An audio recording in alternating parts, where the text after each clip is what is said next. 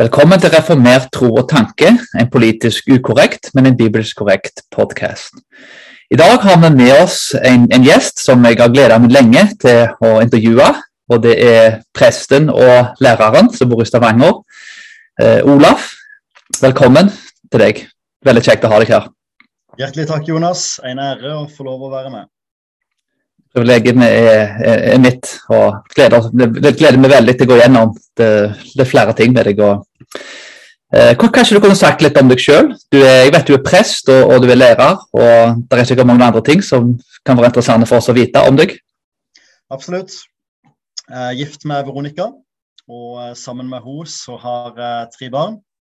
Mikael, Selma og Fredrik. Da Mikael er eldst på fire år, og Fredrik er yngst på et halvt år. Så mye av tida er jo bundet opp til å være familiefar, og jeg trives veldig godt med. Bare rett litt på det. Jeg bor ikke i Stavanger, jeg bor på Nærbø. Uh, og jobber på Tryggheim videregående skole, som er en skole drevet av, av Misjonssambandet. Sånn Utover å være prest, så har jeg vært frivillig forkynner i Norsk Luthersk Misjonssamband. Og er nå som sagt prest i Det evangelisk-lutherske kirkesamfunn sine menigheter i Egersund og i Sandnes. I Egersund så feirer vi nå 30-årsjubileum for uh, menigheten. Og i Sandnes så ble vi nettopp tatt opp som fullverdig menighet i Delk etter å ha vært menighetsplanting i tre år.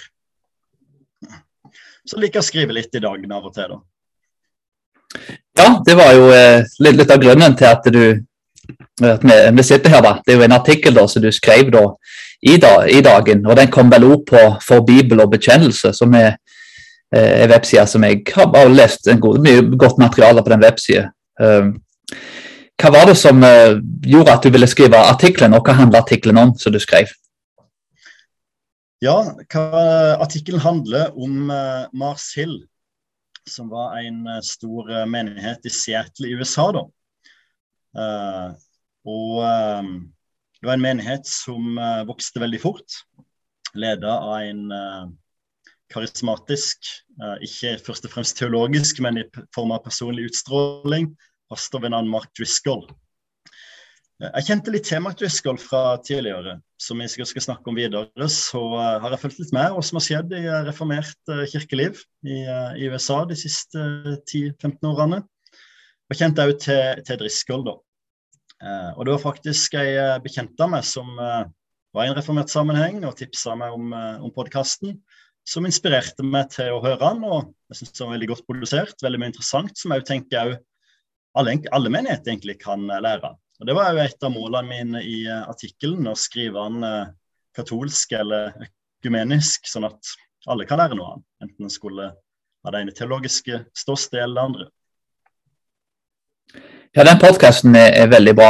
Den, I likhet med deg da, så vil jeg sterkt anbefale alle å høre på den uavhengig av eh, ja, hva kirkesamfunn de har. Og Den har fått veldig mye omtale og veldig mye skryt pga. produksjonen, men, men også pga. at de tar opp veldig relevante ting da, som, som er blitt en del problemer i, i kulturen som, som podkasten er, er, med å svare på. Så Jeg hørte gjennom hele Ego, og den er absolutt til, til anbefale på det aller varmeste.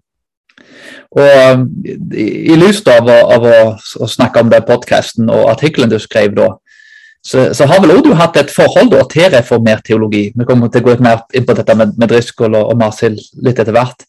Men eh, hva er det som gjorde at du interesserte deg for, for Mark Driscoll? Altså, du er en prest i Delk. Hva er forholdet ditt til reformert teologi, og, og, hvordan henger alt dette sammen? Godt spørsmål, og interessant spørsmål. Jeg er oppvokst i uh, en bedehussammenheng uh, i diverse organisasjoner, egentlig. og og Det mer jeg leser teologi, det mer ser jeg jo hvor påvirka den bevegelsen har vært av, av reformert eh, kristendom opp igjennom. Men det bringer jo spørsmålet hva, hvor bredt definerer vi reformert? Um, siden andre verdenskrig har jo mye av kirkelige impulser kommet fra USA, som har en mer eller mindre reformert reformert i forankring, iallfall historisk sett. Um, men hvis vi tenker mer konfesjonell eller bekjennelsestro-reformert eh, teologi, så liker jeg godt å lese de reformerte klassikerne i dag. Både Calvin og Barink og Aune Gjøre. da. Som, men allikevel så er det nok ikke mer den akademiske reformerte teologien som uh, har betydd mest for meg.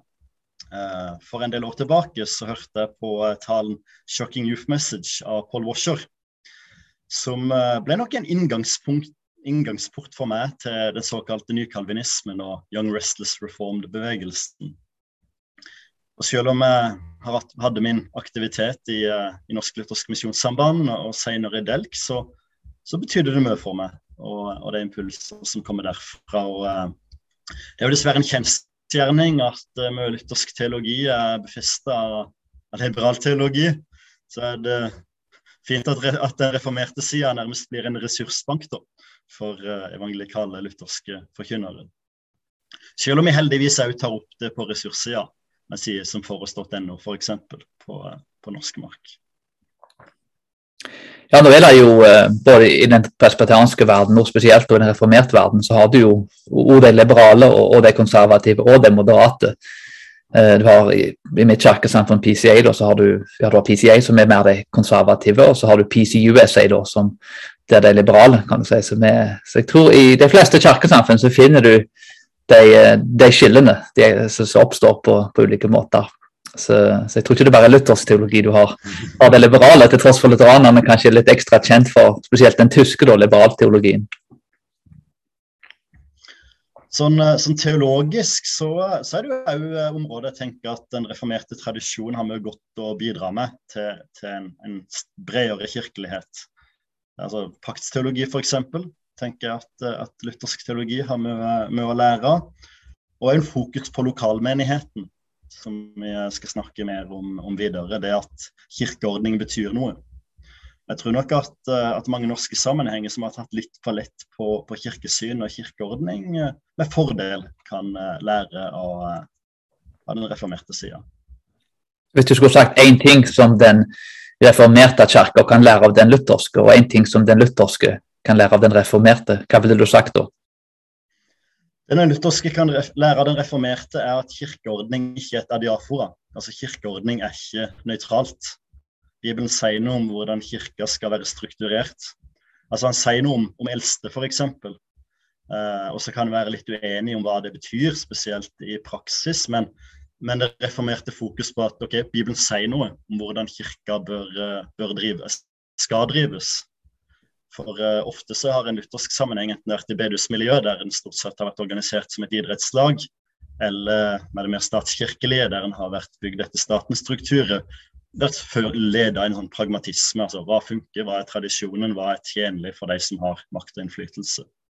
Uh, og det ser vi òg. Altså, det å ha eldste er i stor grad et reformert, en reformert greie.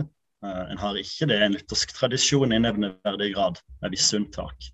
Men der eh, var jo Frikirka, først, frikirka Delk først ut, og nå ser jo bedehusene ut til å følge etter med å ha formelt innsatte eldste. Ja, er det ikke et nå husker jeg ikke akkurat navnet her i farten, men et evangelisk, et evangelisk luthersk kirkesamfunn som, som, bruker den, den, skott, den, skotske modellen med å ha en presbyteri da, og en eh, som styrer mer da, i forhold til presbyterianske prinsipper? Er, det jeg som Nei, det er helt riktig. det. Den lutherske frikirke, altså ikke Delk som er meg, men den, den store frikirka i Norge, er i stor grad basert etter den skotske presbyterianske modellen. Ja, jo, jeg husker at jeg, jeg leste det i, i en tekstbok, da, hvis jeg ikke husker helt feil. Og Det er jo litt, litt, litt interessant der, og, og det tingene du nevner. da. Og, eh, hva mener du av de tingene på en måte som eh, Hvis du på en måte kunne fortalt en reformert én ting som, som vi burde invitere av lutheranerne, hva, hva ville på en måte vært den viktigste tingen du ville pekt ut? Ikke vær redd for tradisjonen. Altså, hva, hva er tradisjon? Eh, I minste fall så er det kunnskap akkumulert over tid. Altså hva kloke kristne har tenkt før oss. Uh, altså, sett, sett, pris på kirkas tradisjon. Ikke tenk at vi er de første kristne som har, uh, har skjønt noe. Og Det er klart, det, det, det er breit å si det, for det er definitivt de i den reformerte leir som òg gjør det. Uh, altså Hvis en ser på de store reformerte teologene, John Owen, Bavink, Warfield, så, så, bruker jo de hele kirkas tradisjon, inklusive den før-reformasjonskatolske. Men, eh, men, den delen av den reformerte tradisjonen som er redd for tradisjonen, vil jeg utfordre til å tenke gjennom det. For i minste fall er det oppsamlinga av kunst, kristens kunnskap og refleksjon over tid. Men vi tror jo at Den hellige ånd har virka i den kristne kirke, òg i perioden mellom Augustin og reformasjonen. Ja, Det er kjempeviktig det du sier der, og det var historisk forankra. Det er jo faktisk en ting som i Hamar presbeterianske kirke, det har vi faktisk det på, på webside, at vi ønsker å gå tilbake da, til reformasjonens teologi og dette være historisk og bruke bekjennelser. Så nå er det jo forskjell på måten de presbeterianske kirkene fungerer på, men, uh, men vi bruker jo bl.a. f.eks. den liturgiske kalenderen, og, og den brukte jo og Calvin da, til en viss grad. Og Det er en ting som jeg synes har vært veldig positivt. Jeg vokste jo opp som, som lutheraner på, ja, ja, på bedehuset. Om, om, det var luthersk eller ei, for, i hvert fall med hensyn til delk og sånn, det, det kan jeg Og Det blir litt av paradokset her, ikke sant. For det, jeg tror nok jeg er mer reformert enn mange som går under navnet reformert. Og jeg er sikker på at dere er mer lutherske enn de fleste som går under navnet lutherske. Ja, du er, du er du, du, du passer ikke inn i noen av verdenene. Si, med... Nei, men altså, Ta, ta bedehusbevegelsen, f.eks. Altså, hvis vi skal peke ut de som er hovedforskjellene da, mellom reformert og luthersk teologi. Så handler det om sakramentene, og det handler om hvor langt en er villig til å utlede logiske konsekvenser når det kommer til, til frelseslæren. Eh, altså, Bedehusteologi er i beste fall synergistisk, altså sånn som det tradisjonelt har vært forkjent. Det er å ta de rette valgene, det er å rette opp hånda på en møte, det er en inderlig overgivelse. Eh, og fokus på sakramentene, dåp og nattværen, er i beste fall sekundært. Når du sier synergistiske, hva, hva mener du med det? At mennesket bidrar noe for å bli frelst, eh, i form av å ta et valg, eller i form av en viss inderlighet, eller i form av å leve et moralsk liv.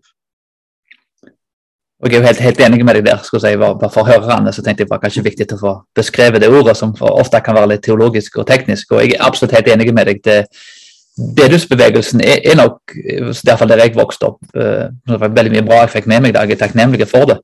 Men uh, nok mer synergistisk, ja, etter min erfaring. Nå er det sikkert unntak der òg, men uh, så det er nok Dere ideelt representerer nok kanskje en, en, en mer ja, historisk luthersk forståelse, da. Vi gjør nok det. Samtidig så er jo et delt kirkesamfunn som har forandra seg veldig i løpet av nokså kort tid. Og Delk sine røtter var jo i Hauge-bevegelsen, som var veldig sterkt synergistisk. Og veldig fokus på, på hellighetsforkynnelse og vil i en større kirkelig sammenheng ha store, store paralleller til vesliansk vekkelseskristendom.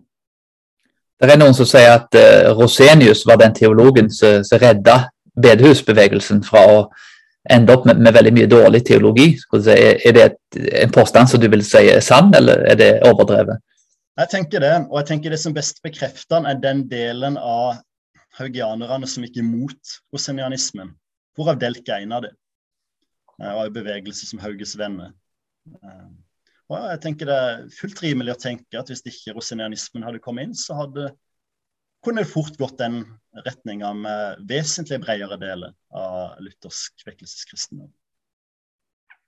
Det er veldig interessant å, å se hvordan disse tingene, de ulike bevegelsene, og spesielt i Norge, da, med, som dette med bedehus, som er for amerikanerne en uh, veldig vanskelig ting å forklare i det hele tatt. Liksom. Det er et bedehus som egentlig fungerer som en frikirke, men som egentlig er en del av den lutherske kirka, men som egentlig ikke er helt lutherske. kan du si. Det, jeg har ofte hatt store problemer med forklart hvordan det henger sammen til, til amerikanerne. Så det er jo en, eh, jeg tror I Skottland så hadde de noe som heter misjonshus, som minner litt om, om bedehusene. Men, eh, men, det er nok en, eh, kanskje en litt unik norske ting. Det er kanskje noen andre land som har det, men Men ikke sant, det er jo en reformert tradisjon. altså Det er mange som går under Young Restless Reformed eller nykalvinisme, som er dispensasjonalister. Ja, og er det klart, er det én bærebjelke i reformert teologi, så er det jo paktsteologien.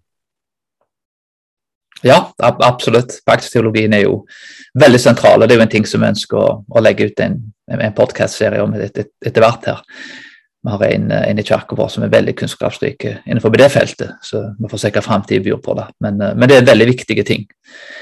Og litt om, om tilbake til, til, artikkelen din her, om Mars Hill. da, og Et spørsmål som jeg vil spørre deg om, er jo det med Hvorfor ble altså Mark Driscoll var, var, vel egentlig ikke en person som jeg hørte så veldig mye på. Eh, men jeg hørte jo liksom om han liksom veldig sånn inn i kontroverser og den type ting. Men eh, han var jo ja, for, Kanskje du kan fortelle folk litt om hvem var Mark Driscoll, og hva var det som gjorde han så populær? Litt oppsummering av historien hans, hvor han begynte og hvor han endte opp. Mark Driscoll var jo oppvokst i en arbeiderklassebakgrunn i Seattle, og en veldig belasta kriminelt strøk. Eh, og var nok prega av oppveksten noe, noe podkasten hadde fram til at det var en, en podkast med, med mye vold og et tøft miljø. Eh, og Mark Driscoll, det som jeg, jeg, var heller aldri spesielt fascinert av Mark Driscoll. Jeg likte mye bedre å høre på Paul Washer og Didi Karsen og den, den gjengen der. Eh, men jeg ser jo at Mark Driscoll nok appellerte til en litt annen gruppe enn oss som har uh, store bokhyller og like fotnoter. For, for, han er veldig tøff og konfronterende og, og nærmest vulgær tiltale. altså kan nærmest Enkelte har sammenligna det med Donald Trumps popularitet eh, senere. Det, det å tørre å si ting som ingen andre gjør. Det å tørre å si ting som oss siviliserte pastorer ikke sier. Enten det går på seksualitet eller anklage mot andre, eller, eller hva det skulle være.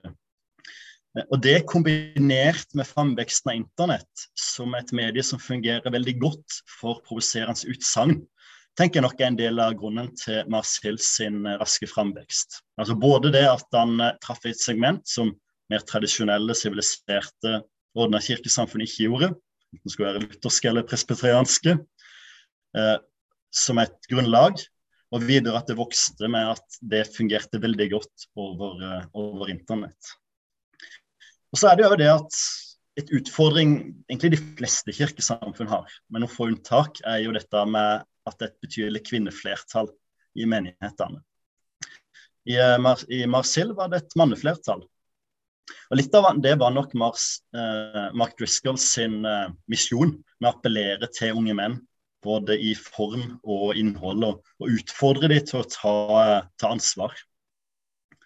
Rett og slett å, å gjøre litt narr av den den milde, smigrende uh, forkynnelsen som dessverre er en del av menigheter. Og Det er fort for, som er i våre kretser, det ser jeg for egen del òg når jeg har vært i Delk et par år, at uh, jeg glemmer liksom hva det gikk vekk fra. Jeg tar det for gitt at ikke det er sentimental lovsang og selvhjelpstale. Men uh, i den store verden der ute så er det nok av det. Så, så jeg tenker nok at det er en viktig bakgrunn for å forstå Mark Driscoll sin popularitet. Ja, vil du si at med Mark Driscoll at uh, den vestlige kulturen har jo blitt veldig feminine og veldig feminisert. Og, og i seg selv så, så, så, er det jo altså, Vi trenger jo feminine uh, innsprøytning, og vi trenger jo maskulin innsprøytning, så det burde være en balanse med ting. Det vi, men det har kanskje vært en, en overflod av femininitet. liksom, det, Damer må være mer som mannfolk, og mannfolk har ikke lov til å være mannfolk lenger. Så, mm. så et vakuum der med, med maskulinitet, der, som, som Tror du at Driscoll kom inn som en sånn veldig eh, sterk, og dominerende og maskuline mann, og han fulgte opp da et vakuum og svingte rett og slett pendelen helt til motsatt side. Det var ganske konform og feminine til å bli veldig maskulin, og dette appellerte til folk. da, liksom Du skal finne manndommen igjen med å høre på Driscoll. Absolutt. Og um og Det ser en òg i podkasten, at, uh, at, det var nok en del damer som opplevde dette som veldig vanskelig. Altså det å opp, oppheve et veldig motkulturelt mannsideal med å være dominerende og tøff og, og, og selvhevdende i en tid som forkynner det motsatte. Og Det er jo gjerne sånn med oss mennesker at vi trekker fra den ene ekstremen til den andre. Og uh, vi, vi, er enkle vesener, og det er enklere å, å gå i motsatt grøft enn å finne balanse. Ja, det er jeg helt enig i. Si. Det, det, er veldig enkelt å ende opp i ekstremer. Og, og En ting som jeg har sett veldig sterkt med, med reformert teologi, og, og, kanskje Calvin spesielt, da, er jo nettopp dette at eh, det er jo egentlig en veldig eh, teologisk sett i hvert fall en veldig balansert teologi, som, som, er veldig gjennomtenkte. Men merkelig nok da, så, så, var det på en måte ut av den reformerte verden, og spesielt det du nevner med nykalvinisme, eh, der Driscoll kom ut. Og, og hva tror du hva, hva, var det med Driscoll som gjorde at han klarte å markedsføre seg selv som en ny kalvinist? Og, og, hva er det med reformert teologi som gjorde på en måte at det var hans uh, uh, Det var nok ikke helt tilfeldig at han ikke var en pinsevenn, for å si det sånn. Altså, for å gå tilbake til det første du nevnte, det med reformatorene. altså jeg liker ikke å innrømme det, men det er en del fellestrekk mellom Martin Luther og Mark Driscoll i hvordan de skriver. Altså, Luther skriver enda mer vulgære ting enn det Mark Driscoll sa. Altså, det er hore, og det er bæsj, og det er vold, og det er slå de ned og slakte. Uh, og Det er klart, det er en grunn til at Luther ble det store ikonet for reformasjonen, mens Melanchthon og Calvin ikke gjorde det. Altså Hvis du leser Den trellbundne vilje først og, og Institutts etterpå, så er det å lese to helt forskjellige bøker. Og, uh, jeg sier det ikke for å smigre, men jeg må innrømme at det er like bedre å lese sistnevnte. Der du faktisk har strukturerte og saklige argumenter for ting. Så Derfor er det jo litt paradoksalt òg. Altså, hvorfor, tok, hvorfor den reformerte leiren som Mark Driscoll ble tatt inn av? Og Når en ser på hvordan Marsil ble strukturert, så har det jo mye mer til felles med menighetene i trosbevegelsen. Med en suveren eh, pastor på topp som styrer det meste, framfor den tradisjonelle reformerte strukturen som enten har et sterkt eldstestyre, altså en, en presbyteriansk sammenheng, og gjerne en session-synode eh, over der, og eller en kongresjonalistisk organisasjon der medlemmene styrer ganske mye, egentlig. Og ingen av de var jo tilfellene i, i, i Mars Og uh, som dere som hører podkasten vil se motsatt, så var det en gradvis vei vekk ifra det. Så, så, jeg tenker ikke at, at Mars på noen måte er representativ for problemet innenfor reformert klesiologi, eller kirkesyn, kirkeordning. Så hvorfor ble han da tatt inn, da? Det gjør jo podkasten et, et, nummer av at ofte innenfor kristenheten så har han et par testspørsmål. Svarer han riktig på dem, så, så, er han innenfor. Her på Jæren så er det hvis du er avholds og pro-Israel, så kan du stort sett mene akkurat det du vil om andre spørsmål. Og jeg tror nok det er en utfordring i uh, Young, Young Restless Reform, eller ny kalvinisme, at hvis du kan krysse av på uh, de fem punktene og har et komplementært eller utfyllende kjønnssyn, så er du innenfor. Altså, kan ta en annen uh, forkynner og bibellærer som jeg har stor sans for, John MacArthur.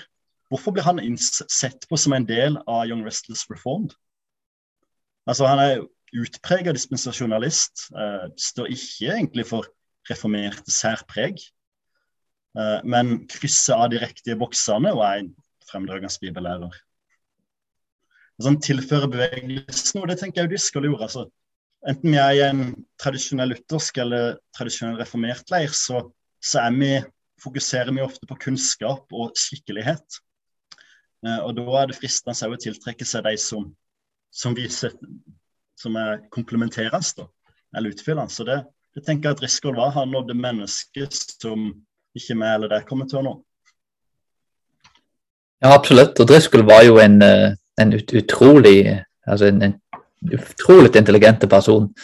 Veldig eh, Egentlig en fantastisk formidler. Veldig karismatisk. Og eh, sa da mange ting som var veldig sanne, og, og mange satt unna og, og, lærte mye. da. Så det var ikke sånn at Driscoll eh, ikke underviste og sa sanne ting han, han, underviste jo og sa utrolig mange sanne ting. Så det hadde kanskje ofte mer med, med kanskje måten han sa det på, da, og, og måten da som han behandla folk rundt seg på. Og det er nettopp dette her med som har ansvarlighet. og eh, er spesielt kjent for dette å ha en presbyterier.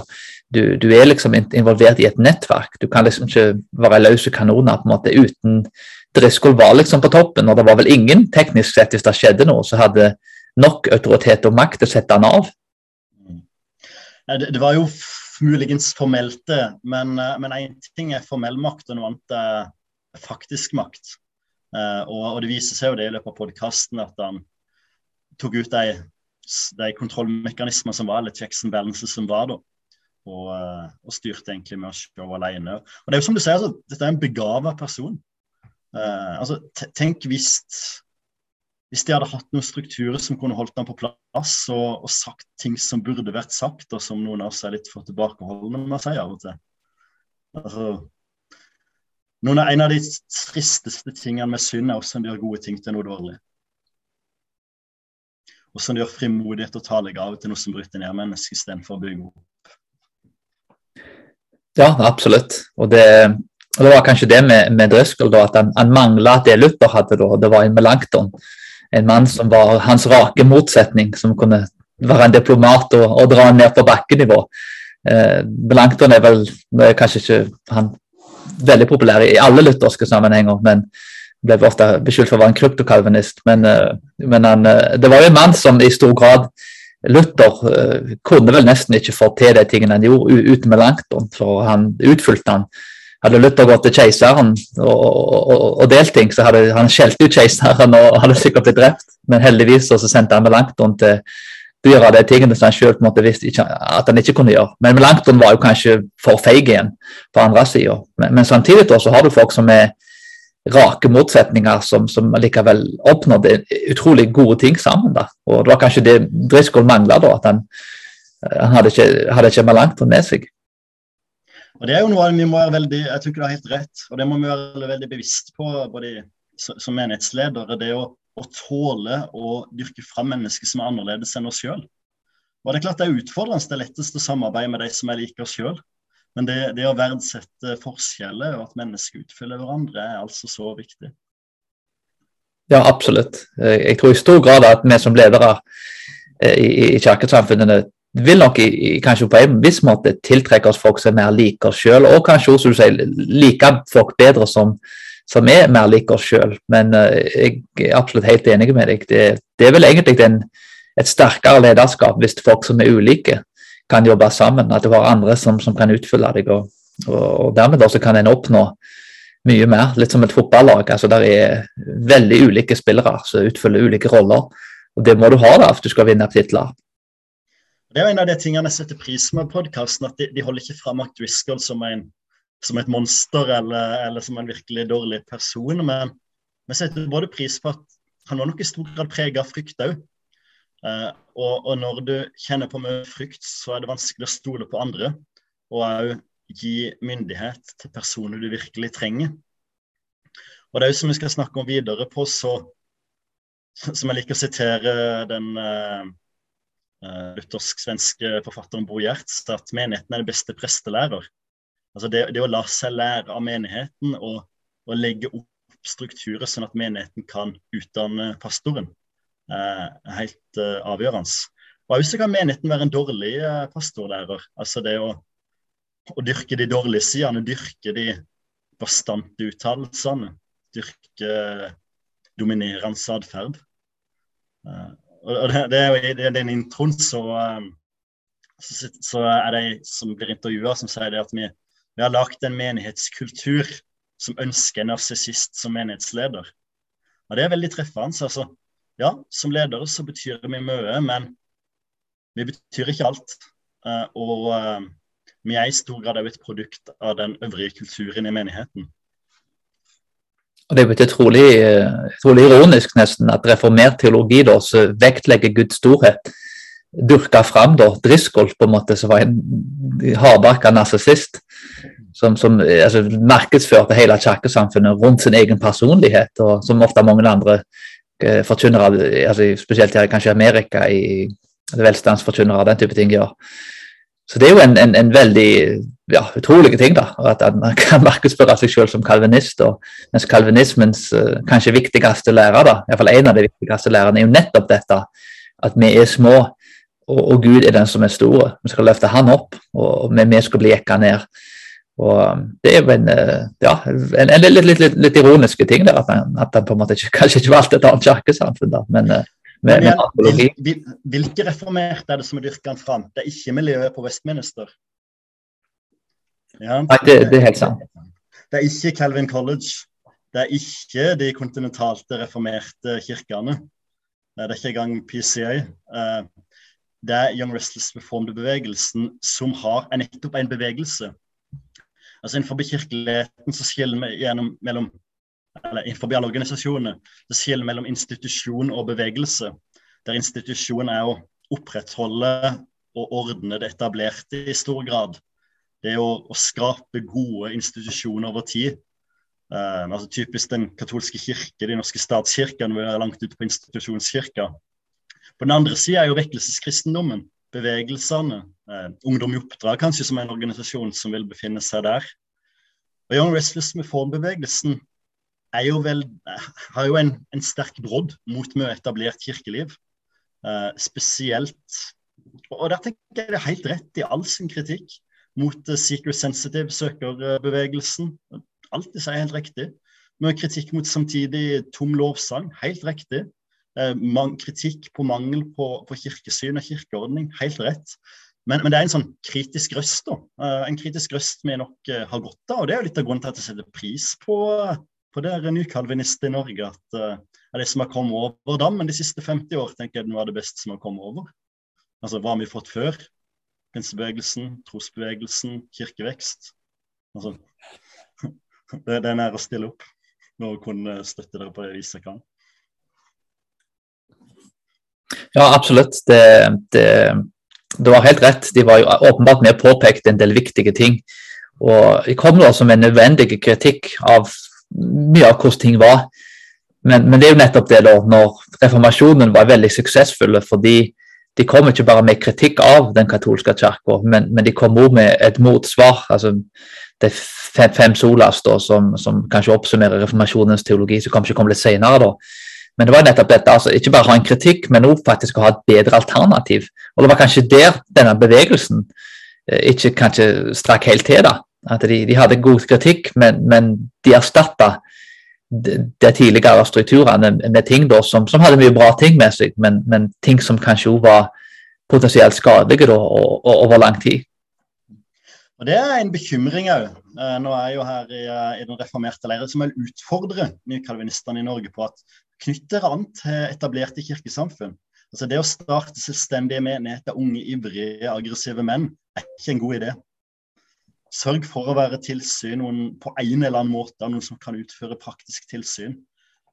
For det, det er den måten en kan gå fra bevegelse til institusjon, og det er en vei en må gå, enten en liker det eller ikke. Ja, absolutt. Det, det, er veldig bra å være under de som er mer erfarne, og de som har holdt på med ting i, ja, i, i lang tid. Da. Og, og, dette bare, og spesielt når en eh, ja, spesielt for oss som er i Norge. og er med i et forholdsvis nytt kirkesamfunn her. Og, og dette å, å, være etablert og, og ha ansvarlighet og, og være tilknytta eh, kirkestruktur og institusjoner da, der, der, det er sunn ledelse, det er jo en veldig viktig ting. Det er klart, Stort sett så kan ikke velge ideelle løsninger, spesielt ikke i, i kirkeplanting og, og, i små forhold. Så får en velge ideelle løsninger. Knytte an til mentor innenfor altså, gamle lutherske prester, nok av de som kan hente mye klokt. da. Eller baptister og presbyterianere for å finne ut av mye klokt her i Norge. Ikke så forskjellig, eller?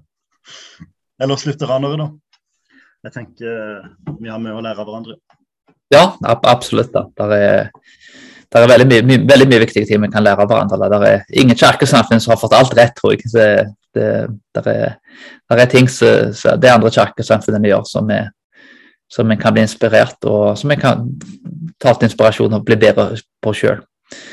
Det kan du ta fra eget kirkesamfunn. jeg tror Det er nokså likt med tradisjonelle reformerte kirkesamfunn. Vi er utrolig gode på komitéarbeid og utførlige teologiske dokument.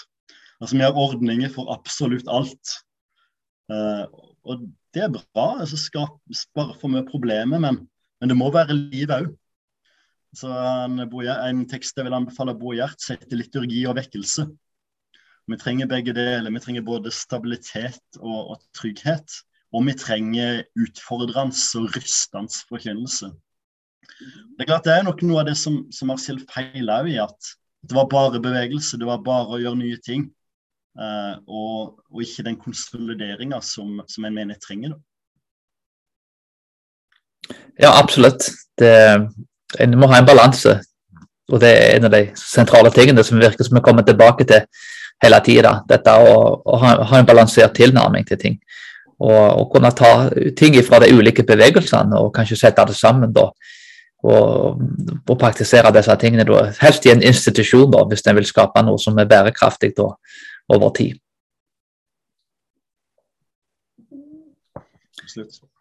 Og i lys da, av, av, disse tingene her, så er jo en ting da, som ofte kommer opp, og dette med å være balansert og med hensyn til det og andre ting.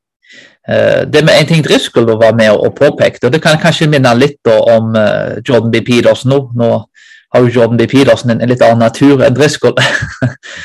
litt mer behageligere kanskje, og litt mer uh, ja, finere måte å si ting på. da. Som sagt, den har jo veldig, virket å være veldig behagelig å si ting på en, på en litt, litt, finere måte. Men, men, det er dette her med regler. altså Menn liksom stå opp om morgenen, re opp sengen din, fiks livet ditt. liksom, bli bedre. liksom du du sitter for mange timer foran dataen og drikker Red Bull. liksom, det Skjerp deg.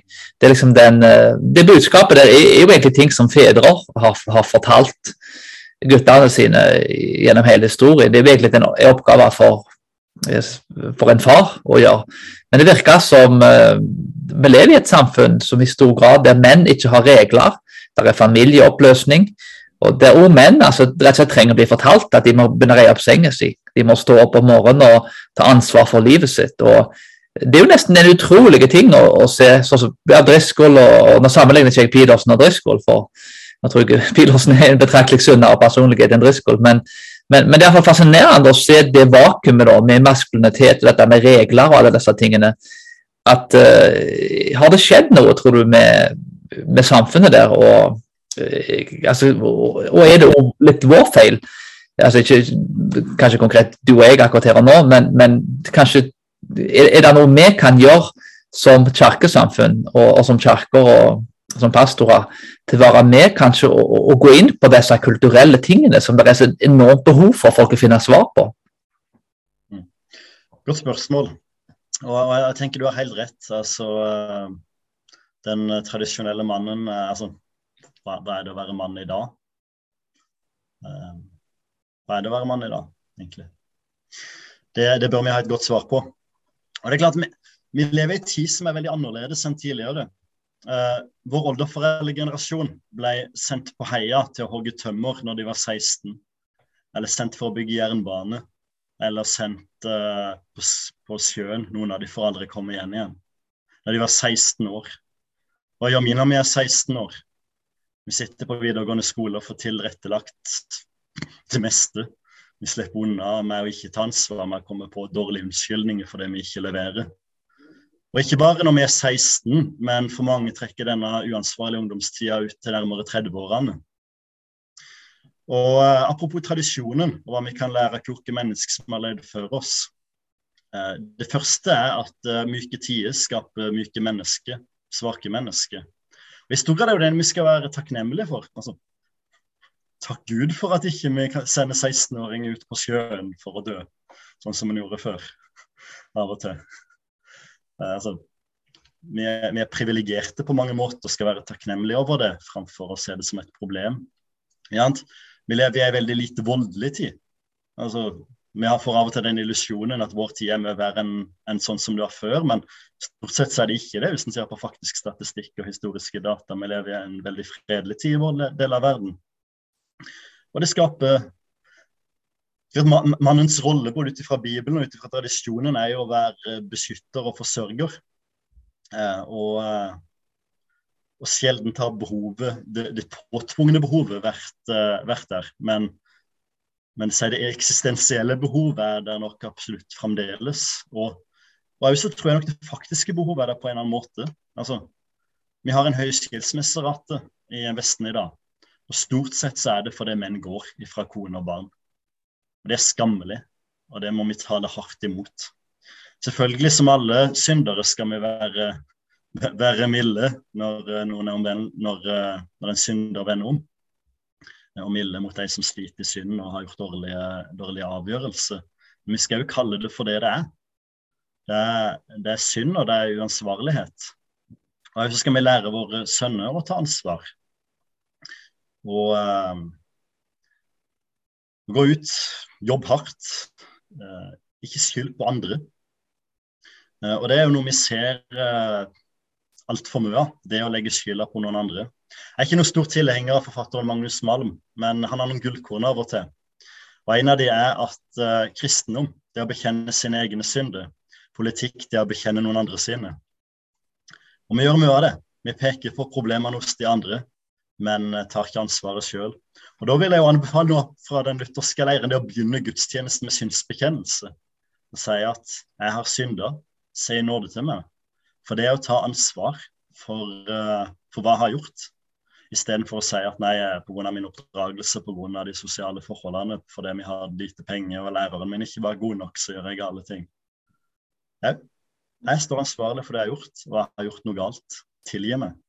Og Hvis en skal gå enda lenger, så er en kjepphest for meg å eh, revitalisere skriftemålet.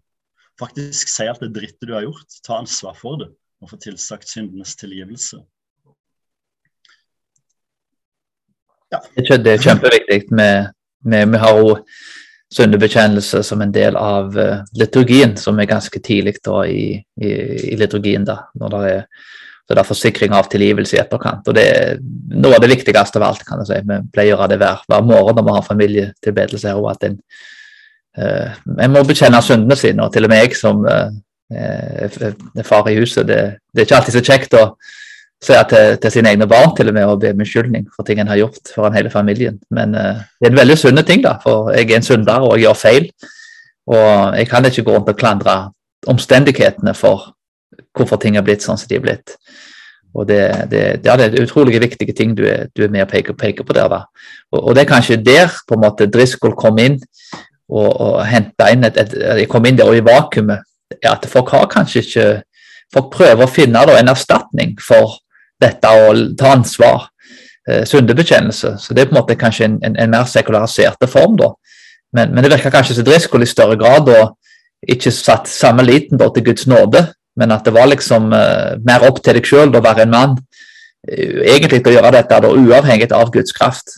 Ikke fordi at vi, vi hviler Guds nåde, da, for han virker i oss, men, men fordi en uh, av egen kraft da, skulle reise seg opp da, og, og, og, bli en mann. Det er jo flere elementer der med, med pornografikulturen og sånn som kom inn da i, i Driscoll sånn, sin talemåte og, og, andre ting. Så Pendelen svingte jo da helt over til andre sida. Men, men, det er jo åpenbart at vi må jo påpeke uh, og ta opp disse tingene. Og i, og i lys av dette her, da, så hvordan kan en peke på altså Delk og, og vårt kirkesamfunn, PCA, eh, presbyterianerne i Norge, er jo Vi har jo bl.a. f.eks. kun menn da, som eldste. Og I Norge så ble jo dette opplevd som veldig kvinneundertrykkende og ja, forferdelige si, fundamentalistiske mørke menn. Eh, vi lever i et samfunn i dag der det siste jeg leste, var 60 av høyere utdannelse eh, er det, altså er kvinner. Så kvinner vil jo Det vil være et samfunn som eh, Vi lever i et veldig teknologisk samfunn der vaskemaskinen gjorde den samme jobben som det tok timevis å gjøre før. Teknologien har frigjort mye krefter, og damene er jo eh, åpenbart like smarte som menn. Og, og dermed så, så, så får vi et samfunn der der styrke på en måte har lite å si, og dermed i tillegg til utviklingen i samfunnet ellers, uavhengig av om, hva som er rett eller galt. Uh, vi vil jo få et samfunn i stor grad der, der, kvinner vil sannsynligvis være veldig kanskje overrepresentert i høyere utdannelse, uh, jobber, lederstillinger. Så det vil jo på en måte være et samfunn som da fall i praksis vil fungere på en veldig egalitær måte. Hvordan kan vi da kommunisere et bibelsk budskap med hensyn til eldste da, og maskulinitet da, på en balansert og, og fin måte, da, uten å være kvinneundertrykkende? Det er jo flere ting her. Jeg tenker En fare for, for oss som konservative, komplementære kristne er å framheve etterkrigstidas familiemønster. Altså at kona var hjemmeværende og fikk, uh, fikk, barn, mens mannen var eneforsørger og var ute og jobba. Hvis en studerer historien, så er det et unntak. Altså Gjennom mesteparten av historien så har både mann og kvinne jobba på gården. Uh, og òg før krigen så var det, var det ikke Eller iallfall på 1800-tallet tok jo òg uh, kvinnene del i arbeidet. Så, så, jeg tenker det er viktig her å skille hva som er bibelsk og hva som er tradisjon og kultur. Jeg er ikke noe mot en 50-tallets kjønnsrollemønster. Vi lever i stor grad sånn fortsatt. Eller mer og min kone at hun er hjemme med barn og jeg jobber. Uh, men vi bør ikke døpe kulturen og kulturarven. Og sånn er også jeg. jeg ser det ikke som noe trussel at kvinner tar høyere utdanning og har sekulære lederstillinger, selv om jeg tenker du har helt rett at det gir noen utfordringer når det kommer til kirka. Um, for å følge opp det med, med eldstetjenesten. Um, jeg tenker jo En av utfordringene i Norge at vi ikke bare er egalitære når det kommer til kjønn, men også egalitære i kirkeordning. Altså få kirkelige sammenhenger går så langt som norsk kirkelighet i lekforkynnelse. Og, og Da blir det sånn at vi sier at alle menn kan forkynne, og ingen kvinner kan det. Mens i de fleste andre sammenhenger så tenker en at eh, en forkynner skal være ordinert til å forkynne. Og Da ekskluderer du ikke 50% av menigheten, du ekskluderer 95 eller kanskje enda mer.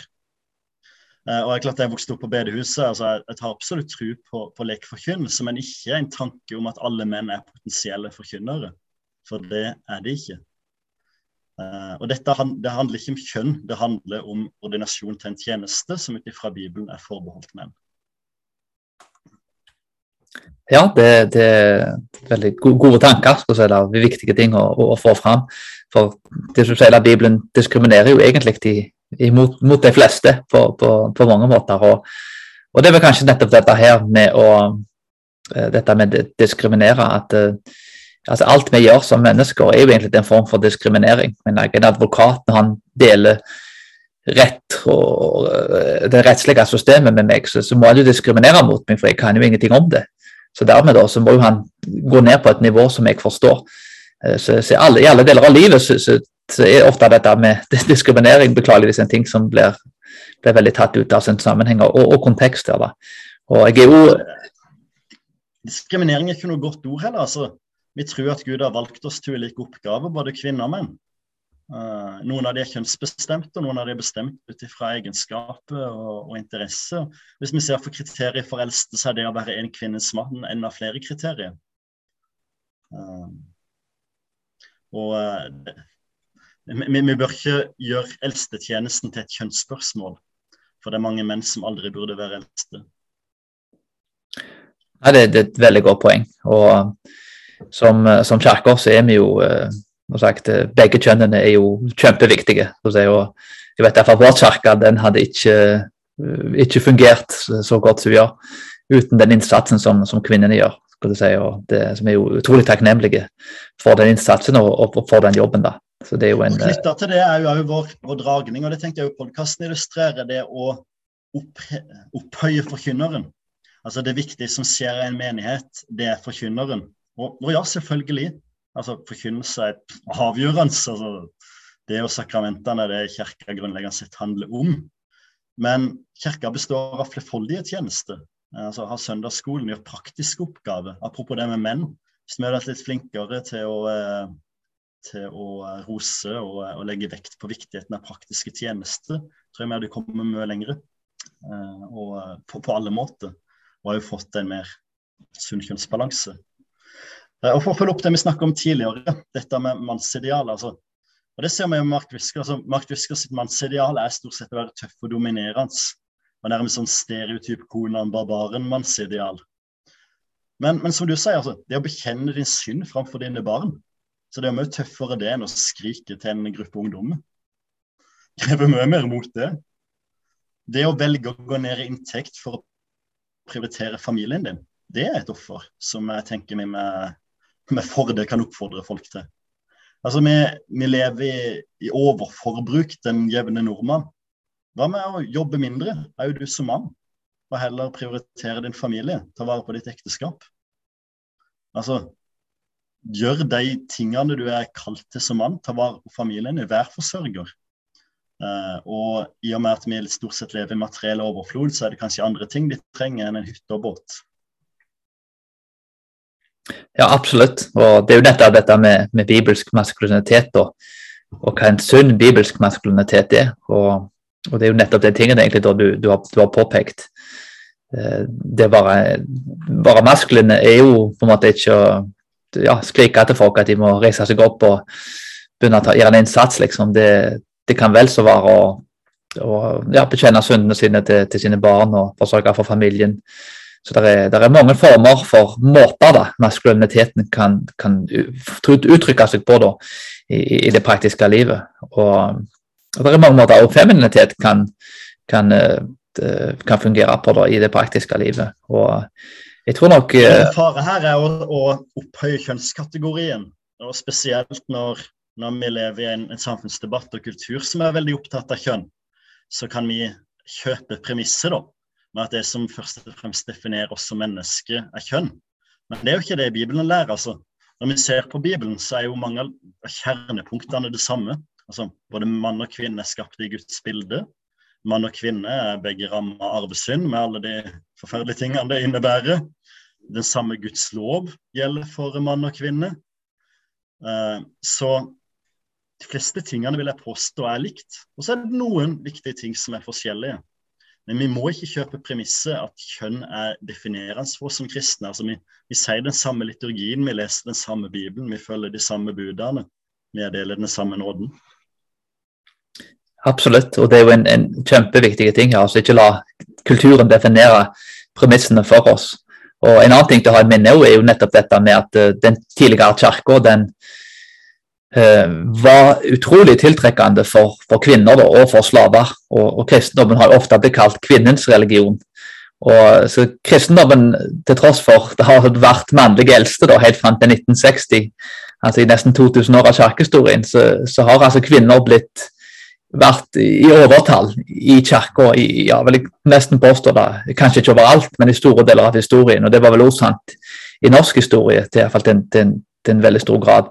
Og, og Det er en veldig viktig ting å, å, å huske på. At, uh, at mannen nå skal jo dø for kona si som Kristus døde for kirka, og elske kona si. Og Jesus, som var Gud, som uh, vi tilber han, men samtidig da, så lagde han jo mat og vaste føttene til disiplene.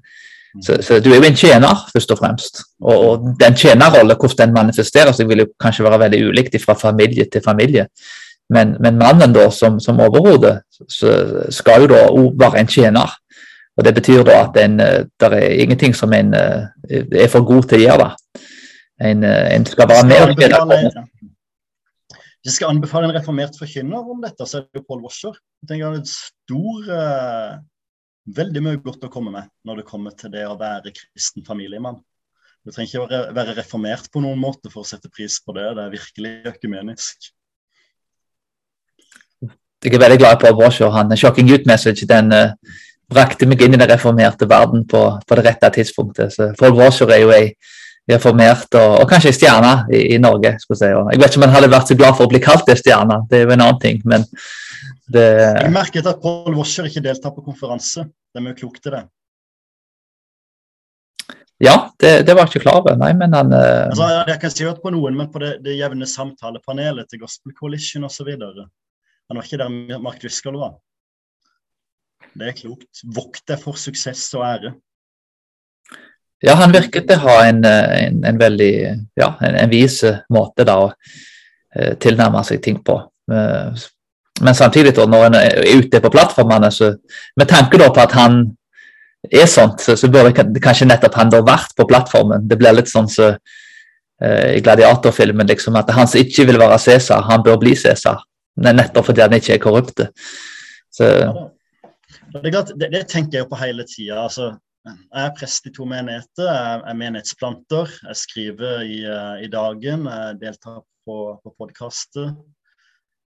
Uh, og jeg tenker det er gode ting å gjøre. Altså, vi skal være frimodige, vi skal dele ordet. Men vi må òg være bevisst på hvilke farer det er. Og, uh, og det, det, med selvhevdelse og ære, det ligger så dypt i oss det å ville bli sett opp til, det å, uh, å ville bli tenkt godt om, det å ville bli beundra. Uh, og noe av det følger for så vidt med, uh, med å gjøre altså, når, når, vi gjør en god kjernering for kirka, så ser folk opp til oss med rette. Men vi kan gjøre mange grep for å unngå det. Altså Vi kan som du sier, altså bekjenne våre synder. Og det er altså, Med Mark Driscoll sine prekener så var han stort sett helten. I Paul Wasser sine taler er han alltid skurken. Tenk over det når du preker. Det er et veldig godt poeng. Ja, den, eh, det, det, har jeg ikke tenkt på, da.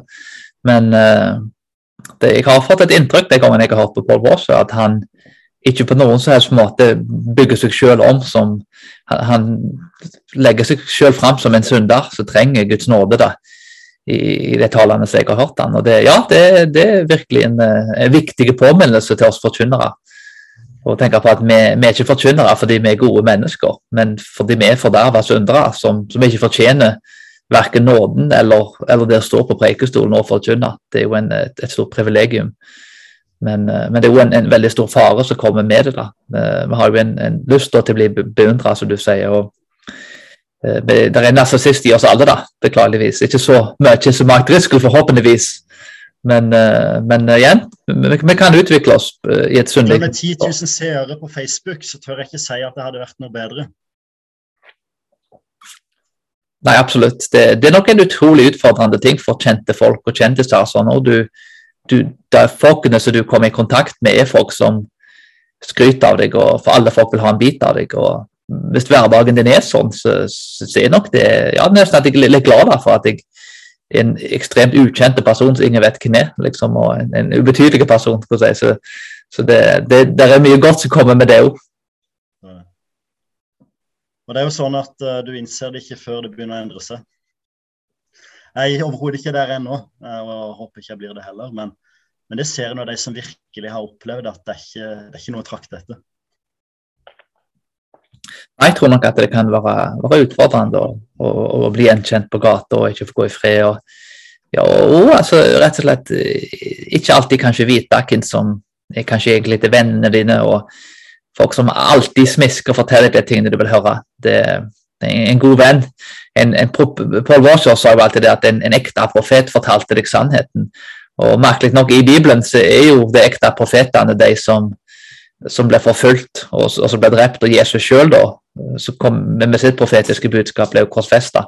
Så det, Paul Washer sier alltid det at profeten er alltid populær etter han er død. Men mens han lever, så hater alle han. Så det, ja, nå, nå, hyller vi Hauge, og så fengsla vi han når han levde. Det er et godt eksempel, ja. Og jeg er jo veldig glad i Jeg har hatt mange prekener der jeg har referert til Hauge, da, så jeg er jo veldig glad i Hans Nissen Hauge. Men det, ja, det, det, er litt interessant å tenke på at uh, i Bibelen òg så ser vi Paulus og disiplene. Dette er jo folk som ble drept for troen, og, og Hauge ble torturert, satt i fengsel, og helsa hans ble ødelagt. Det var ikke en fyr som levde uh, your best life now, altså det mitt gode liv nå. Det var en, en mann som uh, virkelig måtte betale en dyre pris for det han, det han forkynte, det han sto for. Det er en viktige ting å huske på. Men For å gå tilbake til dette med, med mannsidealet, da, så siterte jo dette med, fra Efeserne 5.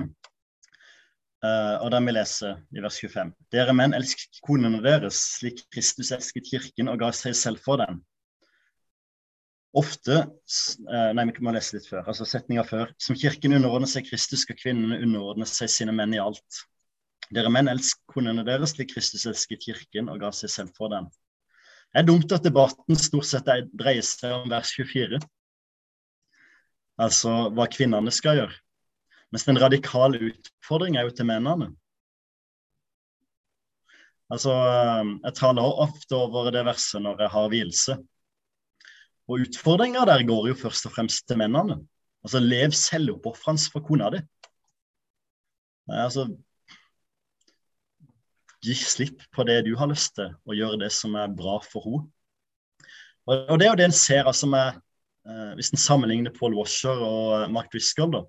I boka til Mark Driscoll så er problemene i ekteskapet konas feil. I Paul Washer sin forkynnelse så er det stort sett alltid han som gjør det gale. Og Det er litt av det, det å, å leve selvoppofrende, det å ta ansvar òg når en kanskje ikke har det. så er det sånn objektivt ansvar. Så jeg har aldri skyld på kona for noe som helst. Du, du er familiens overhode. Om hun gjør feil, så er det ditt ansvar. Vil du si at det er noe som kan anvendes til ledere? Fordi eh, det er en bok en som heter Joko, Willi, Jocko, Joko Williams, uh, Leadership Strategies. Og I den boken da, så er jo veldig kjent lederskapsbok i Amerika. Han er jo kjent YouTuber. og Nå uttalte jeg sikkert navnet hans feil her i farten, men uh, folk vet sikkert hvem det er. Men uansett så, så, er det jo det at han uh, påpekte jo den boken husker jeg da, at en leder dette Han var jo Navy Seal da, i mange år. og En leder, sa han, hvis det skjedde noe, så måtte lederen alltid ta skylda. Hvis, hvis, noen hadde gjort noe galt, så var det du som ikke hadde lært det skikkelig opp det var du som ansatte den personen til den posisjonen. og Dermed da, så, så, så måtte du eie iallfall en god del, og kanskje med alt av ansvaret. Og likt blir det da et ekteskap. At uh, Hvis mannen er overhodet deg, så, så, betyr det òg at, at, det er jo mannen skyld, da. Omtrent akkurat samme hva som skjer. Uh, en skal iallfall ha en, en stor del av ansvaret. Og det, det er en ting som er som kanskje er et stort problem, spesielt i, i Driscoll tjeneste. Eh, og Det er jo litt interessant å se hva Driscoll gjorde når han da ble konfrontert av Mm. mange da som hadde jobba for han og, og mange andre. Eh, kanskje du kan fortelle litt om hvordan Driscoll da tok ansvar for sine handlinger? Ja, Da stakk han av gårde. Han hadde utfordra og kjefta på unge menn for ikke ta ansvar, og når han møtte problemet, så stakk han av sjøl. Det motsatte av det vi bør gjøre. Vi bør, eh, bør være tøffere i handling enn i ord. Ord er billige, spesielt i våre tider der hvem som helst kan skryte på seg ting på Facebook. En handling, det betyr noe. Apropos det med å ta ansvar, som du spurte om, så står jo det jo i Bibelen, da. Altså i Hebreerne 13,7. Lyd deres lærere og rett dere etter dem, for de våker over deres sjeler, som de skal gjøre regnskap for. Ja, vi skal stå til regnskap for de vi er leder for. Vi har et ansvar. Selvfølgelig er det jo personlig ansvar både for våre koner og våre menighetsmedlemmer, men som ledere så bærer vi et, et objektivt ansvar uansett. Og Det henger jo sammen med at vi virkelig må eh, ta kirketukt på alvor, noe vi iallfall i norsk kirkelighet ikke gjør.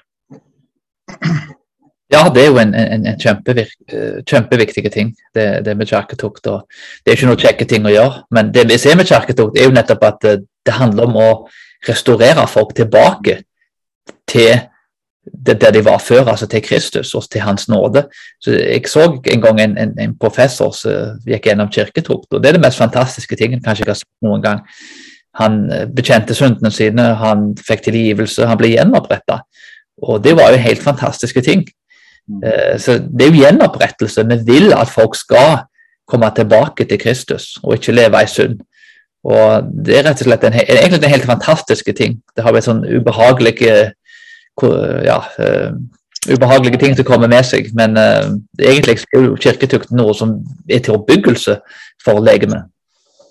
Så det, er veldig, det, det høres jo veldig fælt ut altså, å skyve noen ut av, menigheten og, og det som er. Og, Jeg hører i podkasten hvordan det virkelig ble misbrukt, ble misbrukt i Marsil. Men, men det rette sinnlag for oss som, som eldste og pastorer når det kommer til, til kirketukt, er å utføre det som en far, ikke som en arbeidsgiver. Altså, det, det er et barn som er på vei vidvanke, som vi skal prøve å få inn igjen. Ikke en, eh, en plagsom ansatt vi skal prøve å sagt opp uten å bli saksøkt. Og Det er jo et av problemene med, med en del av de impulsene vi får inn, med at en tenker om menigheten som om det skulle være en bedrift. Ja, det, det, og det, det er nok en stor feil med modernismen som har kommet inn i kirka. Det vet jeg en ting er. Og hos Guinness har eh, påpekt i sine bøker at dette med å tenke mekanisk og, og ja, modernistisk og Her kom jo litt inn med det vi snakket om tidligere. Med, med, du nevnte være, være glad i tradisjonen og historien. Og Det er jo en ting som vi jo prøver å gjøre. Eh, Kanskje ikke like god på det som dere lutheranere, men, men vi prøver det. Men det er nettopp dette med å altså, som jeg sier til folk, Vi har ikke lyskastere, vi har ikke flombelysning og, og røykmaskiner, alt dette her. Vi har ikke sjiraffer og elefanter som, og skikkelig god pizza så drar folk inn. Og ikke at det nødvendigvis er noe galt å ha god mat, alle disse tingene, men, men vi vil jo da at det er nådemidlene til Gud da, som, som skal få folk inn i kirka. Det er noe med dette med det en frelser folk med, er det en frelser folk til. Så, så nettopp å være historisk forankra er noe som er med å kanskje forhindre, og bibelsk forankra først og fremst, det er noe med som forhindrer mye av, av, av disse tingene. Absolutt.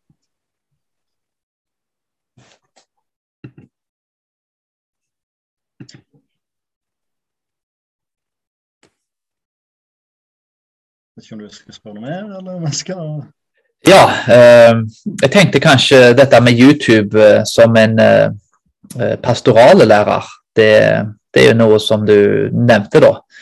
Eh, kan, kan, vi ta noe, noe, mot slutten her nå, kan vi ta noen siste lærdommer der? Med, bør en unngå YouTube? Er YouTube en, en god pastor? Eller en dårlig pastor? Eller? Nei, på det første. Ja, på det siste. Ja, nei, nei, på, nei, på, begge blir det vel. Nei, vi bør ikke unngå YouTube. Nei, ikke i det hele tatt. Altså, vi har begge snakka om det vi fikk ut og høre på uh, Shocking Youth Message. Internett er et medium med styrker og svakheter. Og vi bør være bevisst på styrkene og bruke dem, og vi bør være bevisst på svakhetene og unngå dem. En av styrkene med internett er jo den enorme informasjonsflyten. Altså Før, hvis vi skulle lese teologiske ressurser, måtte vi gå på et bibliotek eller kjøpe bøker sjøl. Nå finner vi uante mengder på internett. De er kjempegode. Ja, vi kan snakke med mennesker sånn som nå på podkast, og forhåpentligvis eh, oppbygge Guds menighet med det. Kjempemulighet å, å bruke det for det det er verdt. Vi tenker tilbake til reformasjonen med boktrykkepresset og hvilken betydning den hadde. Og jo altså den nykalvinistiske, nyreformerte bevegelsen i Norge er jo i stor grad knytta til internett, og anser jo det for å være en god ting. Eh, tross enkelte uenigheter som vi kan snakke om senere. Men det er jo en del fare med det. Eh, altså, og, og, både for den som hører på, og den som bruker mediet. Eh, for hvis jeg sammenligner Hvis jeg holder en tale på internett og holder en tale i menigheten, så er det vesentlige forskjeller. Står det en tale på internett, så får jeg en viss respons. Jeg får eh, tommel opp og tommel ned. Jeg får kanskje noen kommentarer i kommentarfeltet, eh, og stort sett så er ikke kommentarfeltet preget av det største refleksjonsnivået. Eh, og jeg får stort sett tilbakemelding av folk som ikke kjenner meg, og jeg kjenner ikke deg. Og Apropos det med menigheten som pastorlærer, så tror jeg nok at internett gjør vondt verre der. Spesielt hvis du lykkes. Spesielt hvis du får mange likes og responser, så kan du bli motivert til å gjøre og si ting som fører til det. Og ofte da bastante uh, utsagn. For det er ofte det som uh, favoriseres av algoritmene på Facebook og, og YouTube. Sammenlign det med menigheten. Jeg holder en preken. Uh, folk kjenner meg. Jeg vet hvem jeg taler til. Uh, jeg vet hvilke kamper og seire de, de står i. Uh, hvis jeg blir høy på pæra og holder en god preken, så blir stort sett ego justert når ungene mine skriker rundt under kirkekaffen etterpå. Um, og folk har en relasjon der de kan gi veiledning til den som forkynner, og jeg kan gi veiledning til deg på en måte som jeg ser at de trenger. Det kan jeg ikke på internett. Selv hvis de skulle sende e-post til meg, så vet jeg kun det de skriver. Eh, og det de selv presenterer ved seg. For Det er jo det med internett at det handler i stor grad om selveksponering. Altså Vi velger sjøl hva vi legger ut, og vi legger ofte ut de gode sidene av oss. Vi legger ut det som gir den responsen vi ønsker. Det er ikke det ekte livet. Så altså, Jeg tenker ikke at vi skal slutte å bruke internett, eh, men jeg tenker at vi skal være bevisste på farene med det. Og jeg tenker at vi under ingen omstendighet bør prioritere internett framfor lokalmenigheten. Altså, det er klart For meg som lutheraner eh, det å motta nattværen er helt avgjørende. Eh, legg vekt på det. Eh, men òg det å se forkynnelse som mer enn kunnskapsformidling. Det å møte en levende Gud gjennom Hans ord. Og det er noe relasjonelt. Og det relasjonelle lider via internett.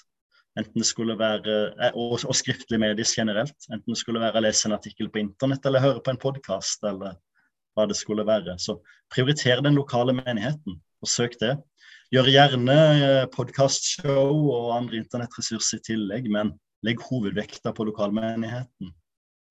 Knytta til dette er jo òg det ekkokammerfenomenet. Det mer friheten får, det mer søken mot likesinna. Kan ta en sammenligning. Jeg har vokst opp i ei lita bygd på Sørlandet. Det var ett bedehus og ei kirke. Vil du gå på gudstjeneste, gikk du der. Eh, du hadde ikke mye å velge, og derfor ble både menneskene og så vidt òg den kirkelige bredden veldig stor. Sammenlignet med Kristiansand eller Stavanger eller Oslo. Flust av menighet, og du kan velge både de menneskene som du vil være med, stort sett de som er likest deg sjøl, og den forkynnelsen og kirkestilen du liker best. På internett du kan alltids opprette ei Facebook-gruppe, og for å være ærlig, de fleste Facebook-grupper er rene ekkokammeret der en stort sett får bekrefta det en tenker fra før. Lokalmenigheten har en sunn altså Det er en lærer både for presten og for menigheten til å utfordre hverandre, stå skulder til skulder gjennom det livet møter dem. Yeah. Du kan gråte med de som gråter, glede med de som gleder seg. Det kan du ikke over internett. Nei, det er kjempeviktig det, det, du sier der. og Den største utfordringen i Norge synes jeg, er, er, faktisk nettopp dette budet med å holde sabbaten. Det er et bud som jeg tror Noen statistikker sier at 2% av nordmenn går da i, i kirka jevnlig i dag. og Jeg vet ikke om det er fullt så lavt, men uh, det har blitt fortalt og lest. Men, men uh, og det er nettopp dette med og Det er kanskje et problem jeg har med dispensasjonalismen, kan du si. At du, du sier da at sabbaten gjelder, gjelder, ikke i dag, kan du si. og nå, eh, Det er jo en, en god ting med, med lutheranere og, og far min var alltid at hvis du gjorde et eller annet på søndagen, liksom, da ble han ikke glad, da, skulle du si. og og når jeg vokste opp, så var det jo mer vanlig å, å, å gå i, i kirka eller på bedehuset da, for min del om søndagen. Så det, det, Dette med å være en del av et fellesskap og ja, rett og slett å holde sabbaten Jeg vet I jødedommen så er sabbaten regnet kanskje som en, den viktigste tingen. Eh, altså du, du, er med og det, det, er kjempeviktig. Fellesskap, og, og du får høre Guds forkynnelse altså gjennom ekte personer, og ikke bare gjennom YouTube. Eh, så det er utrolig, utrolig sentrale ting. Og kanskje dette med alle men du har jo eh, både vært i reformerte sammenheng i USA og i Norge. Og i Norge så er jo mange av impulsene høsta av internett og en veldig unge menighet ofte. Og ofte bestående av mennesker som bruker mye internettressurser. Hvilke forskjeller tenker du der mellom en tradisjonell reformert presbyteriansk menighet i, i USA og de, de reformerte sammenhengene du kjenner i Norge, og hva tenker du er utfordringen? Ja, altså jeg, jeg, tror nok i stor grad uh, i Amerika og i Norge så er jo spesielt det presbyterianske kirkesamfunnet og det reformerte er jo veldig nytt. Uh, og veldig annerledes i, uh, i Amerika. I, i, I, Norge så er det mange da som hører på mye folk på, på YouTube. Og jeg har merka én ting i det reformerte og til og med det presbyterianske miljøene. Så dukker det opp en del, en del syn på, på ting som, eh, som, er veldig eh, Som jeg aldri har sett i Amerika. Og om det er rett eller galt, det, det får bli til en annen diskusjon, men, men eh, sånn veldig veldig små minoritetssyn som da på en måte blir markedsført som presbyterianske syn, som, som, du skal gå lenge da. Jeg har besøkt utrolig mange kirker i Amerika pga. misjonsorganisasjonene som jeg er en del av. Så jeg, jeg, jeg har truffet tusenvis av folk og, og vært i ja, mange mange, mange, mange kirker i ulike stater i Amerika. Jeg har forkynt i mange forskjellige kirker, og på grunn av, ja, når du reiser opp støtte, og sånn, da, så er du involvert i ulike plasser. Eh, så, og Jeg har aldri sett de samme tingene da, i, altså i, Amerika som jeg har sett i Norge. Jeg tror nok kanskje i Norge i stor grad at nettopp dette med YouTube som en pastorlærer Mange sitter på YouTube og, og henter inn syn fra folk som egentlig ja, i alle fall ikke representerer Westminster presbyterianisme. Eh, og dermed da så, så får en en del, en del utfordringer da, med hensyn til det. Ting da som blir markedsført som presbyteriansk og kanskje som reformert, som egentlig eh, i Amerika da er nærmest ikke eksisterende. Så det, det har vært en, en utfordring. og eh, ja, og altså Det er jo på en måte ikke ordentlige strukturer og presbyteriet og alt dette her heller til å være med kanskje også utfordre de synene på samme måten.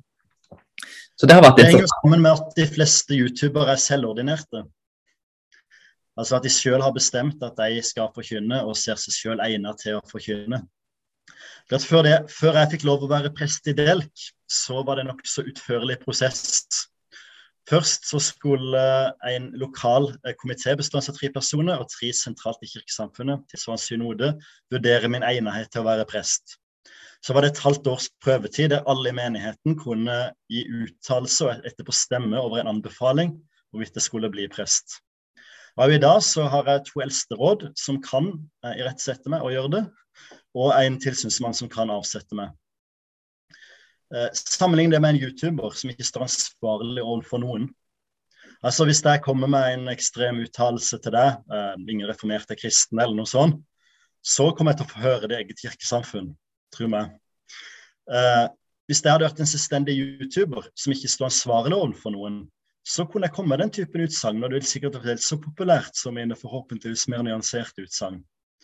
Og det ville uten tvil vært rosa av Facebook- og YouTube-algoritmene. Så, så hele internettsystemet dyrker selvordinerte og ekstreme. Ja, absolutt. Og, og, det er vel kanskje nettopp dette at de folkene som skulle vært på YouTube, de er ikke på YouTube. Og de som ikke skulle vært der, de er der.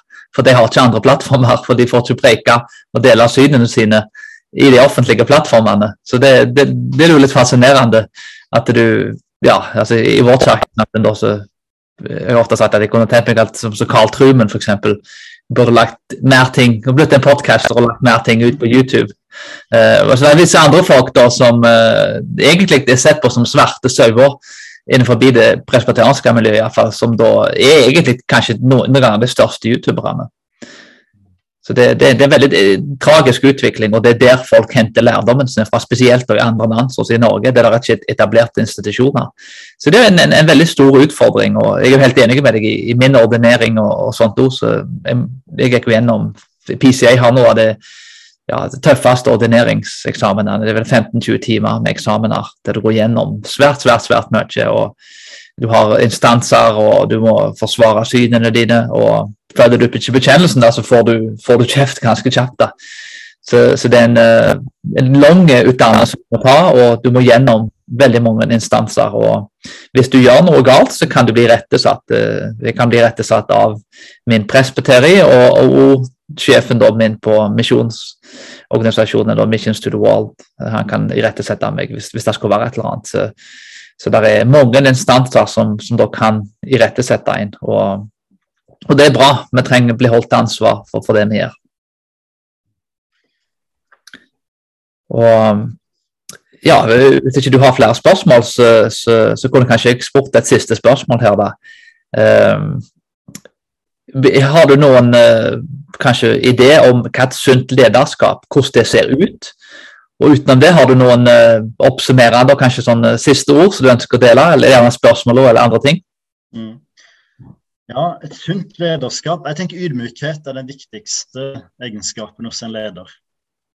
Eh, både i form av moral, altså det å kunne innrømme egne feil og stå for det.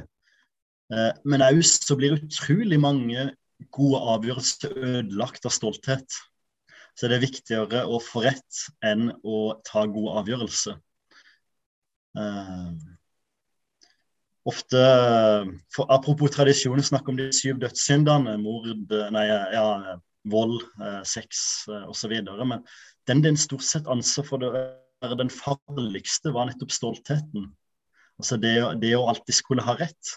Uh, og det er jeg litt bekymra for, både i den delen av, av lutherdommen som er en del av, som er lærebevisst offensiv, og òg i, i, den nykalvinistiske leiren. Det å, det å mangle ydmykhet. Det å uh, være opptatt av å stort sett få rett fram for å innrømme at en tar feil, og at, at andre òg har kloke ting å komme. Tenk om det er det viktigste vi kan, kan lære som leder. og Bibelen snakker vi om det. Legg merke til hva Bibelen skriver om, eh, om kvalifikasjoner for eldste. Så handler det mer om karakter enn om kunnskap og ferdigheter. Eh, så det tenker jeg er det viktigste vi kan lære når det kommer til, til lederskap. Og vi lærer det ofte på den harde måten gjennom å feile. Absolutt. Og det, det, er jo en utrolig viktig ting å, å, å, ta med seg videre. Og jeg ville bekrefte de tingene du påpeker, påpeker i den reformerte leiren, at uh, kalvinister er jo ofte beskyldt for å være slemme. og eller Why are Calvinist mean? Et sånt spørsmål som ofte kommer opp. Og, og dette òg med, med, kanskje være veldig dogmatiske og, og harde på doktriner. Og en kan Noen vinne. selges dårlig med knytta neve. Absolutt. En kan vinne argumentet, men en kan tape personen. Ja, jeg må jeg jo bare bekjenne fra en luthersk leir. Altså når noen av mine, mine venner. Hamre reformerte fordi dere ikke trodde samme hos oss om Jesu tilstedeværelse i nattværen. Ja, jeg tenker de har rett i sin kritikk, men han fremmes ofte på så veldig usunn måte. Altså, ja, jeg tenker vi har skjønt noe veldig viktig, men, men det rette er jo å dele da, i delaktighet i, eh, i rikdommen, ikke hamre de som tenker noe annerledes. Melanchthon ble jo beskyldt for å være en, en kryptokalvinist. Du har ikke blitt beskyldt for det, du, med tanke på dine reformerte tilbøyeligheter? Det er sikkert et annet meg i denne podkasten her, men det lever jeg godt med. Men nå var jeg i debatt med Martin og ble beskyldt for å være kryptokatolikk. Så balansen da kanskje greit. Ja, det... Helvik, eh, pastor i Kilden, som jeg debatterte dåpen med. da. Der nok, tok jeg nokså høylyttersk posisjon på dåpen. Ja, jeg, jeg, den debatten har jeg hørt uh, et par ganger, faktisk. da, og jeg synes dere begge to gjorde en, en eksemplarisk innsats der. Så, så, du er jo på en måte blitt en sånn stjerne i, i den reformerte podkastverdenen spesielt. da, og det er mange, mange som jeg snakker med, da, så, ja, har blitt inspirert av den debatten da, spesielt. da. så, så Det var en uh, veldig flott debatt. da, og Jeg sendte en, en melding til Martin nå, da, og jeg kjenner jo han. og han gjorde en, en, veldig god jobb, som sagt, dere begge to. Uh, bare, det som var best med debatten, etter min oppfatning, var vel kanskje litt i motsetning da, til, til, til, det vi har tatt opp nå, er jo at dere, dere behandler hverandre da, som mennesker som var skapt i Guds bilde. og, og det var jo veldig uh, ja, litt imot den kalvinistiske stereotypen å, være slemme, da, kan du si. Så, og det er noe av det viktigste i en debatt. Uh, en del reformerte i debatter kan kan være veldig harde, kan du si. Og, og det er egentlig ikke et godt vitnesbyrd. Samme hvor smart en er og hvor gode argumenter en har. Eh, hvis en ikke behandler folk med, med, respekt og kjærlighet og ydmykhet, så, så, så, er det med å ødelegge litt av argumentasjonen òg. Det er jo som du sier, altså En kan vinne saken og tape personen. og Av og til så kan vi tenke oss som er mer akademisk, intellektuelt retta, at at mennesket tror det som det blir presentert beste argumentet for, men sånn er det ikke. Altså, Vi er besmitta av arvesynd, vi er mennesker av kjøtt og blod. Og, og, det er veldig mange andre ting som gjør at vi tenker det vi tenker, enn at vi, får presentert gode logiske argumenter. Vi er ikke, vi er ikke datamaskiner som følger en uh, matematisk oppskrift. Og, og, Derfor tror jeg det er vel så viktig i vitnesbyrdet hvordan vi sier ting som hva vi sier. Absolutt, og det er nok spesielt tilfelle i postmodernismens tid, der fortellinger og historier er mye viktigere enn syllogismer og, og ja, filosofiske debatter. Hadde dette vært på 1950-tallet, så hadde da modernismen fortsatt hadde litt, litt, mer innflytelse. Så jeg tror kanskje den typen ting hadde fungert bedre. Men i dag så tror jeg faktisk folk i mye større grad ble mye sterkere påvirka, kanskje av kunst, av uh, historier, fortellinger, vitnesbyrd. Eh, og av eh, ja, altså folk som ja, følelser og, andre ting. Og nå er det ikke at vi skal manipulere folk følelsesmessig, men, men, du er nok inne på svært viktige ting der. Vi er sammensatte som folk, folk er forskjellige, og vi blir påvirka av ulike ting. Og, og, det tror jeg kanskje spesielt i, eh, i reformerte miljøer, som er ofte veldig intellektuelle, akademiske, bør ta til oss da, at eh, mennesket er flerfoldig. Der er jo faren det å bli reaktiv. Ok, Vi har sett altfor mye manipulasjon, enten det skulle være med sentimentale konsertmøter eller pietistiske bønnemøter. Men vi er skapt med følelser òg. Eh, og, og, veien er ikke å holde timelange akademiske bibelutleggelser. Altså det, det, er å møte hele mennesket i forkynnelsen, både fornuft og, og følelse. Og, og med, med, sånn som vi snakker om nå, moralske utfordringer. da. Absolutt. Det, det, er utrolig viktige ting. Nei, det, det har vært en eh, utrolig lærerik eh, samtale, da, og jeg er helt sikker på at eh, mange vil, vil høste mange visdomsord fra deg i, når de hører på dette. Så det har vært for meg ja, utrolig lærerikt og, og inspirerende. og du ha tusen takk da, for at du tok deg tid til å dele kunnskapen og visdommen din med oss. Hjertelig takk for at du spurte meg om å være med. Det er en uh, sann ære, og jeg ønsker deg alt godt og lykke til med det arbeidet du står i. Jo, tusen takk i like måte, da. Og jeg er veldig glad for det arbeidet som dere gjør. Så for de som da eh, ikke da klarer å være en del av det presbyterianske, eller er uenige, så, så vil jeg absolutt si god til folk at Delk er jo da et veldig godt alternativ. Så jeg hadde ikke eh, Jeg vil jo ikke at folk skulle bli presbyterianere, men, eh, men jeg hadde følt meg veldig trygg hvis, hvis, noen hadde kommet til din menighet da, og jeg hadde visst at de hadde vært i gode hender. Så, så jeg setter veldig pris på det arbeidet dere gjør òg. Ja, da sier vi takk for i dag, og, og tusen takk til deg nok en gang. Og vi snakkes snart igjen.